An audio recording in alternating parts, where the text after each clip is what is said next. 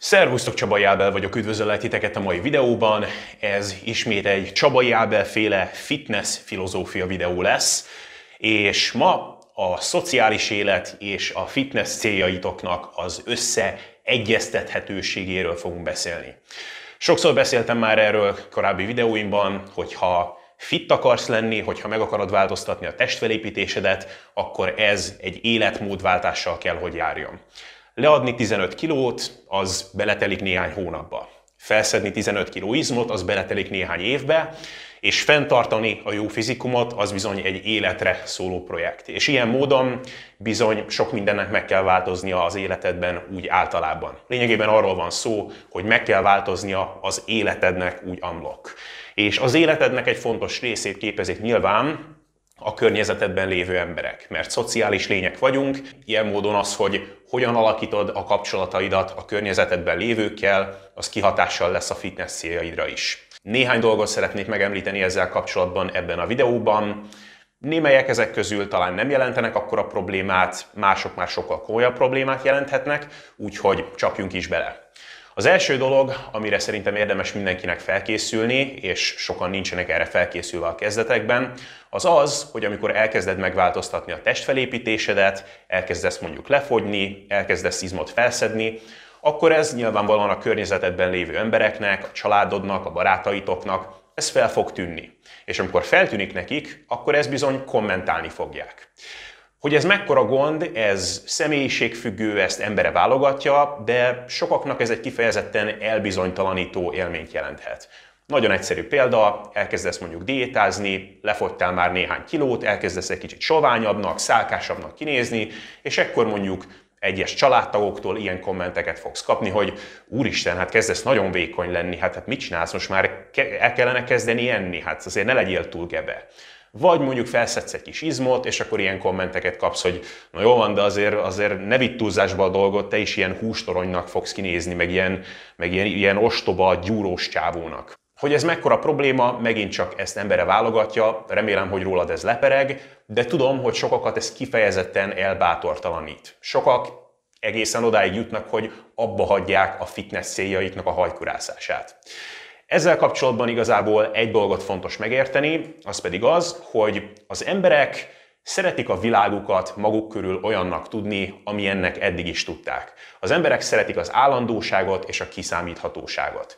Megismerték a világot maguk körül valamilyennek, és szeretnék ahhoz tartani magukat. És te, aki nézed ezt a videót, te is ennek a világnak a része vagy. Tehát a családodnak, a barátaidnak van egy világképe, és ennek te egy részét képezed.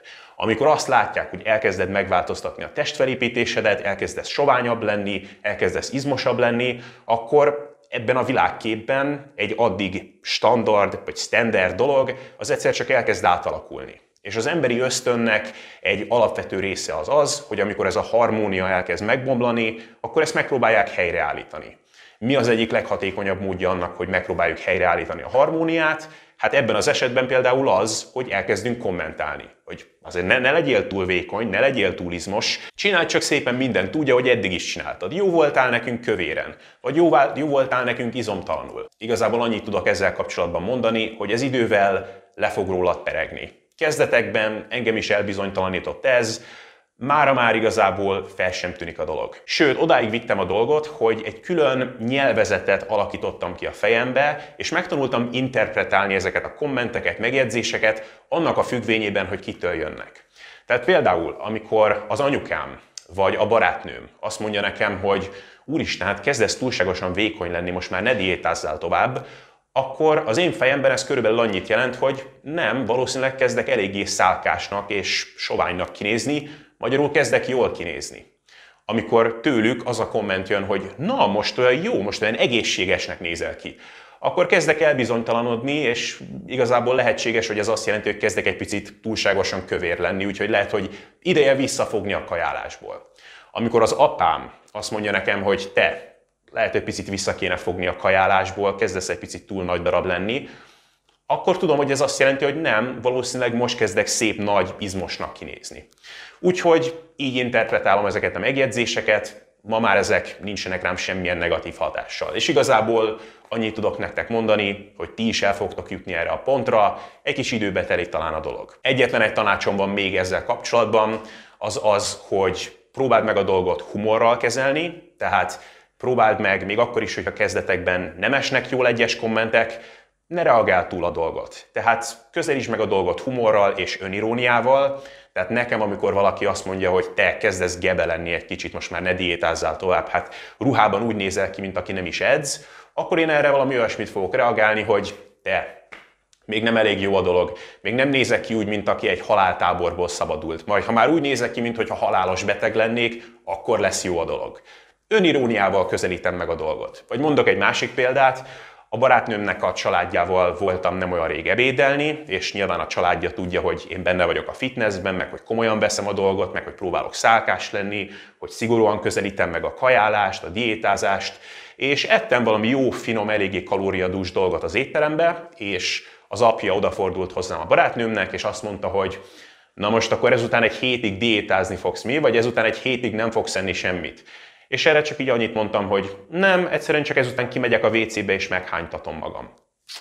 Akármennyire is megpróbálsz engem cukkolni vagy piszkálni, nem fogsz tudni annyira cukkolni, mint amennyire én cukkolom saját magamat. És ez egy olyan erővel vértesz fel engem, ami gyakorlatilag sebezhetetlenné, golyóállóvá tesz az ilyen cukkolódó, piszkálódó megjegyzésekkel szemben. Van egy másik aspektusa is ennek az egésznek, ami már egy sokkal komolyabb problémát jelenthet, az pedig a szociális nyomás, és ennek a kezelése.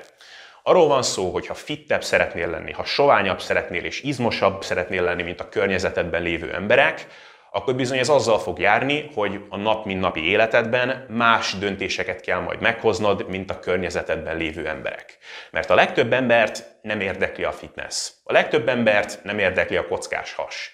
Nyilván ők is szeretnék, hogyha lenne nekik ilyen, de ez egy ilyen abstrakció. Persze sok minden jó lenne. Az is jó lenne, hogyha repülni tudnék, vagy hogyha milliárdos lennék, de hát nem reális a dolog, úgyse fogom megtenni azt, ami ehhez szükséges. A legtöbb ember így van vele, és ezzel nincs is semmi probléma. Te nem így vagy vele. Te szeretnél kockás hasat, te szeretnél egy alacsony testzsír százalékot fenntartani, és ez azzal fog járni, hogy ezért más áldozatokat is meg fogsz hozni, és más döntéseket fogsz meghozni különböző szituációkban, mint mások. Ez viszont azzal fog járni, hogy ez fel fog tűnni a környezetedben lévőknek, és amikor ez feltűnik nekik, akkor bizony kommentálni fogják a dolgot. Miért probléma ez?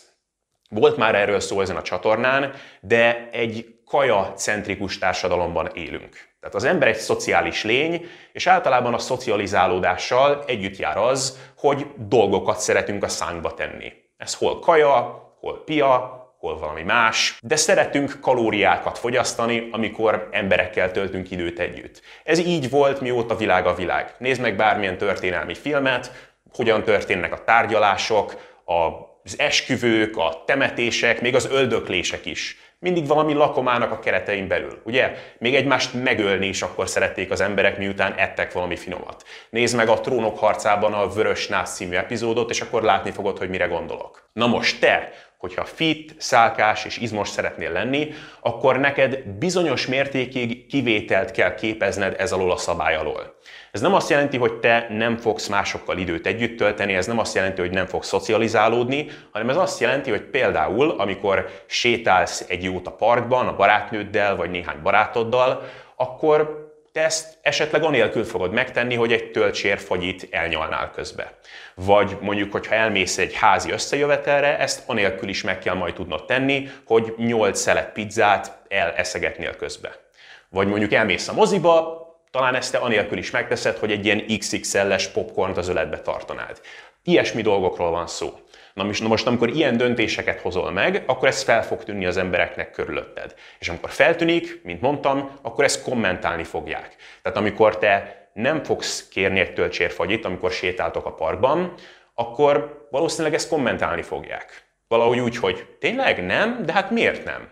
Amikor nem kérsz popcornt a moziba, akkor megint csak nem, tényleg? Hát hogy, hogy? Ezek a kommentek és ezek a megjegyzések, ezek sokszor nem érintenek minket jól.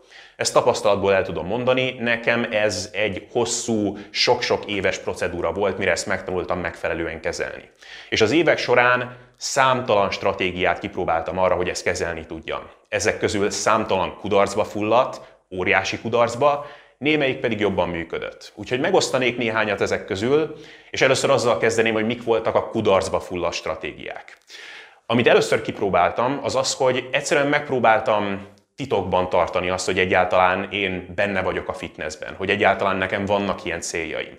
Olyannyira, hogy megpróbáltam a kajáimat nem mások előtt tenni. Tehát amikor mások mondjuk az irodában vagy a suliban elővették a kis benzinkutas, ilyen háromszög alakú szendvicseiket, vagy rendeltek valami kaját, vagy csak a kantinban vettek valami random dolgot, én pedig elővettem a kis műanyag dobozkámat a salátámmal, meg a csirkével, akkor baromi rosszul érintett az, hogy másoktól megjegyzéseket kaptam, meg hogy különböző pillantásokat kaptam tőlük. Néha ez egy ilyen kedves, de ilyen szánakozó pillantás volt, valami ilyesmi. Néha ez egy ilyen gyanakvó és vizsgálódó pillantás volt, valami ilyesmi. Néha egészen közel odajöttek és elkezdték vizsgálni a kajámat, valahogy így. Megmondom őszintén, hogy ez a mai napig baromira irritál, de az a lényeg, hogy nem tudtam kezelni a dolgot, elbizonytalanított, és nagyon öntudatossá és defenzívé tett a dolog. Úgyhogy megpróbáltam minden erőmmel azon lenni, hogy titokba tartsam ezt az egészet. A legrosszabb ötlet, amivel előálltam itt talán, és ezt senkinek nem ajánlanám, az az, hogy előálltam mindenféle történetekkel és hazugságokkal, hogy én miért nem mehetek ezt meg azt. Tehát amikor nem akartam fagyit enni mondjuk, mert diétáztam, akkor azt mondtam, hogy azért nem eszem fagyit, mert laktózérzékeny vagyok. Vagy azért nem ehetek pizzát, mert gluténérzékeny vagyok. Meg sört sem ihatok ugyanezért. Vagy bort sem ihatok, meg vodkát sem ihatok ma, mert vezetni fogok. Ez a stratégia az nem volt túlságosan fenntartható, egyfelől azért, mert idővel már annyi hazugsággal kellett előállnom, hogy már nem is tudtam őket számon tartani, és már nem is emlékeztem, hogy oké, okay, akkor most melyik társaságban pontosan milyen kaja intoleranciám van. Nyilvánvalóan ezért is problémás volt, meg azért is problémás volt, mert a legtöbb ember ilyenkor megpróbált alternatívákat felkínálni nekem. Ó, nem ehetsz fagyit? Akkor mi a helyzet a tortával, vagy mi a helyzet ezzel a fánkkal?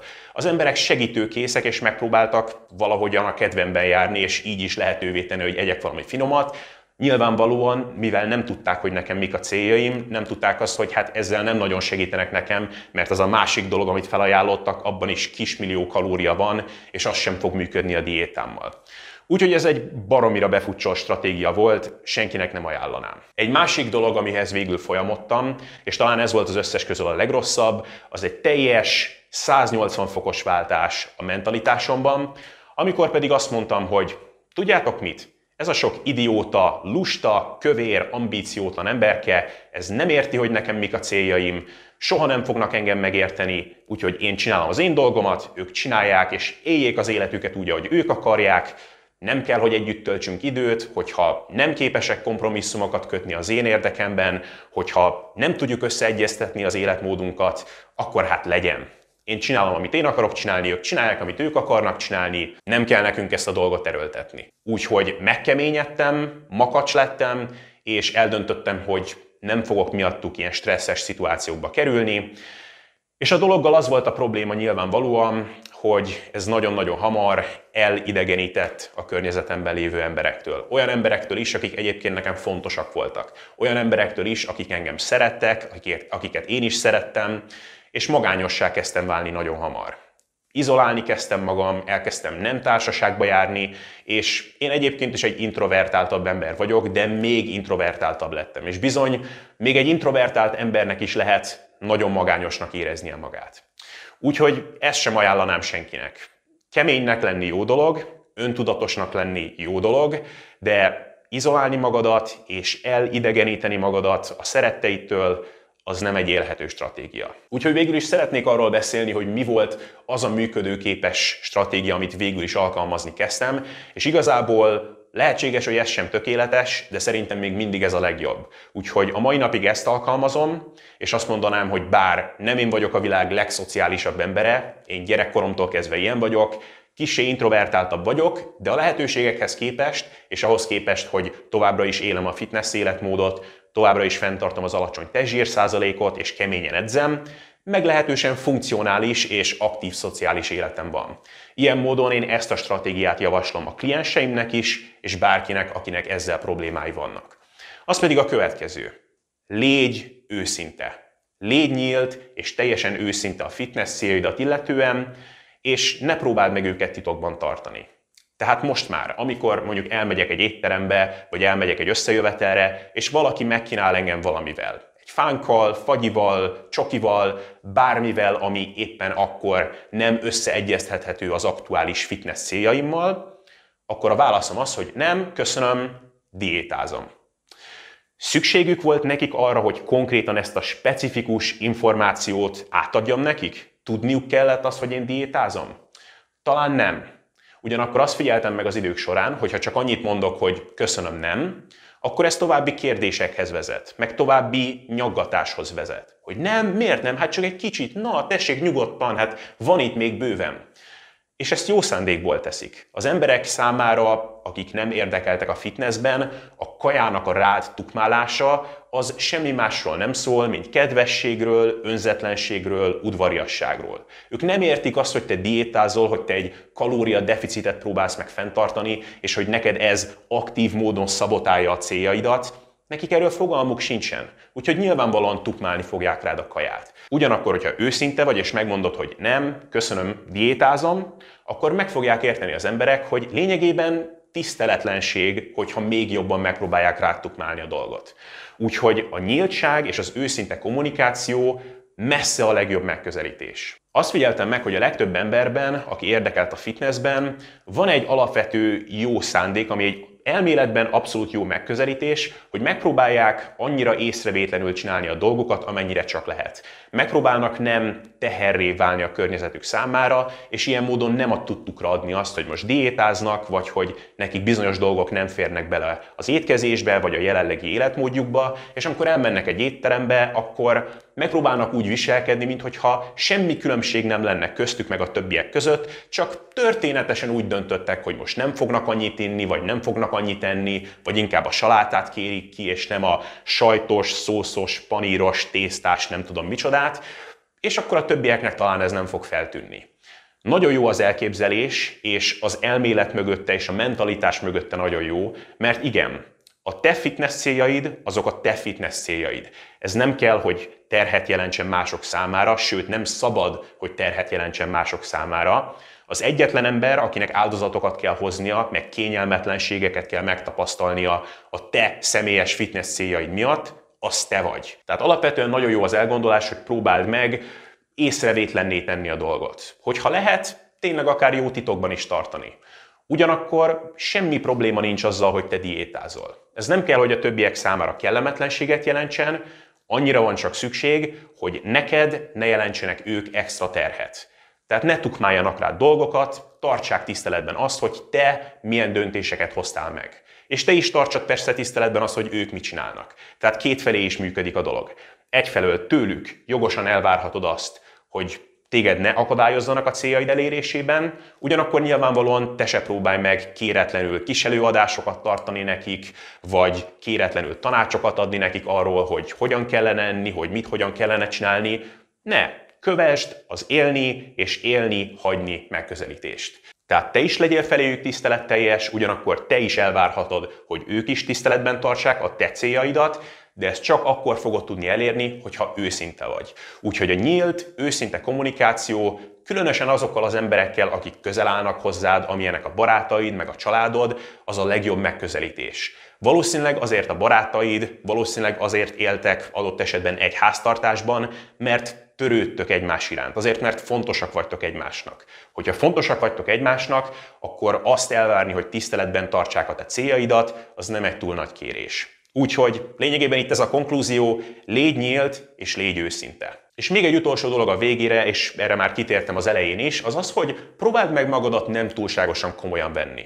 Tehát egyszerűen fogadd el a dolgot, hogy igen, egy kicsit fura vagy, máshogy csinálod a dolgot, mint a többiek, nem kell folyamatosan győzködnöd magadat arról, hogy nem, én normális vagyok, semmi gond nincs azzal, hogy én diétázom meg, hogy engem érdekel a fitness, hogy ők, ők nem értenek engem, hogy velem semmi probléma nincsen ne vedd ennyire komolyan a dolgot. Ne vedd magadat ennyire komolyan. Közelítsd meg a dolgot öniróniával, humorral, és legyél vele úgy, hogy igen, tudjátok mit? Fura vagyok. Fura az, hogy nem akarok fagyizni, fura az, hogy nem akarom a sárga föld alá inni magam.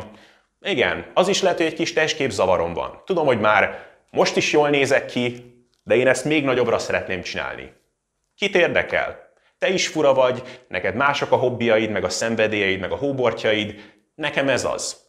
Mindenki próbáljon meg a maga módján furán, de boldogan élni, nekem ez a hobbim, nekem ez a hóbortom, és ezzel nincsen semmi probléma. Úgyhogy próbáld meg egy kicsit könnyedebb mentalitással és humorral megközelíteni a dolgot. Hogyha másoknak vicces megjegyzései vannak, hogyha mások piszkálnak, akkor csak tegyél rá még egy lapáttal, és piszkáld saját magad még jobban. Hogyha az ember humorral közelíti meg a dolgot, hogyha az ember megtanul öniróniát gyakorolni, akkor nagyon nehéz őt kibillenteni a lelki egyensúlyából. És nekem ez volt az egyik legnagyobb tanulság, amit az évek során megtanultam. Úgyhogy lényegében ez lenne az üzenetem mára, a fitness céljaid és a szociális életed azok nem kell, hogy kizárják egymást, továbbra is lehetsz egy szociálisan funkcionális ember, de tudjad azt, hogy ez egy akadályt jelenthet, és tudjad azt, hogy ez egy olyan dolog egy bizonyos ponton, amit menedzselni kell. Ugyanúgy, ahogy a kalóriabeviteledet is menedzselni kell, ugyanúgy, ahogy a konditeremben a regenerálódásodat is menedzselni kell.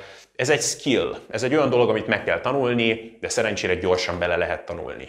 Egyszerűen csak egy kis alapismeret kell hozzá, és egy jó mentalitás.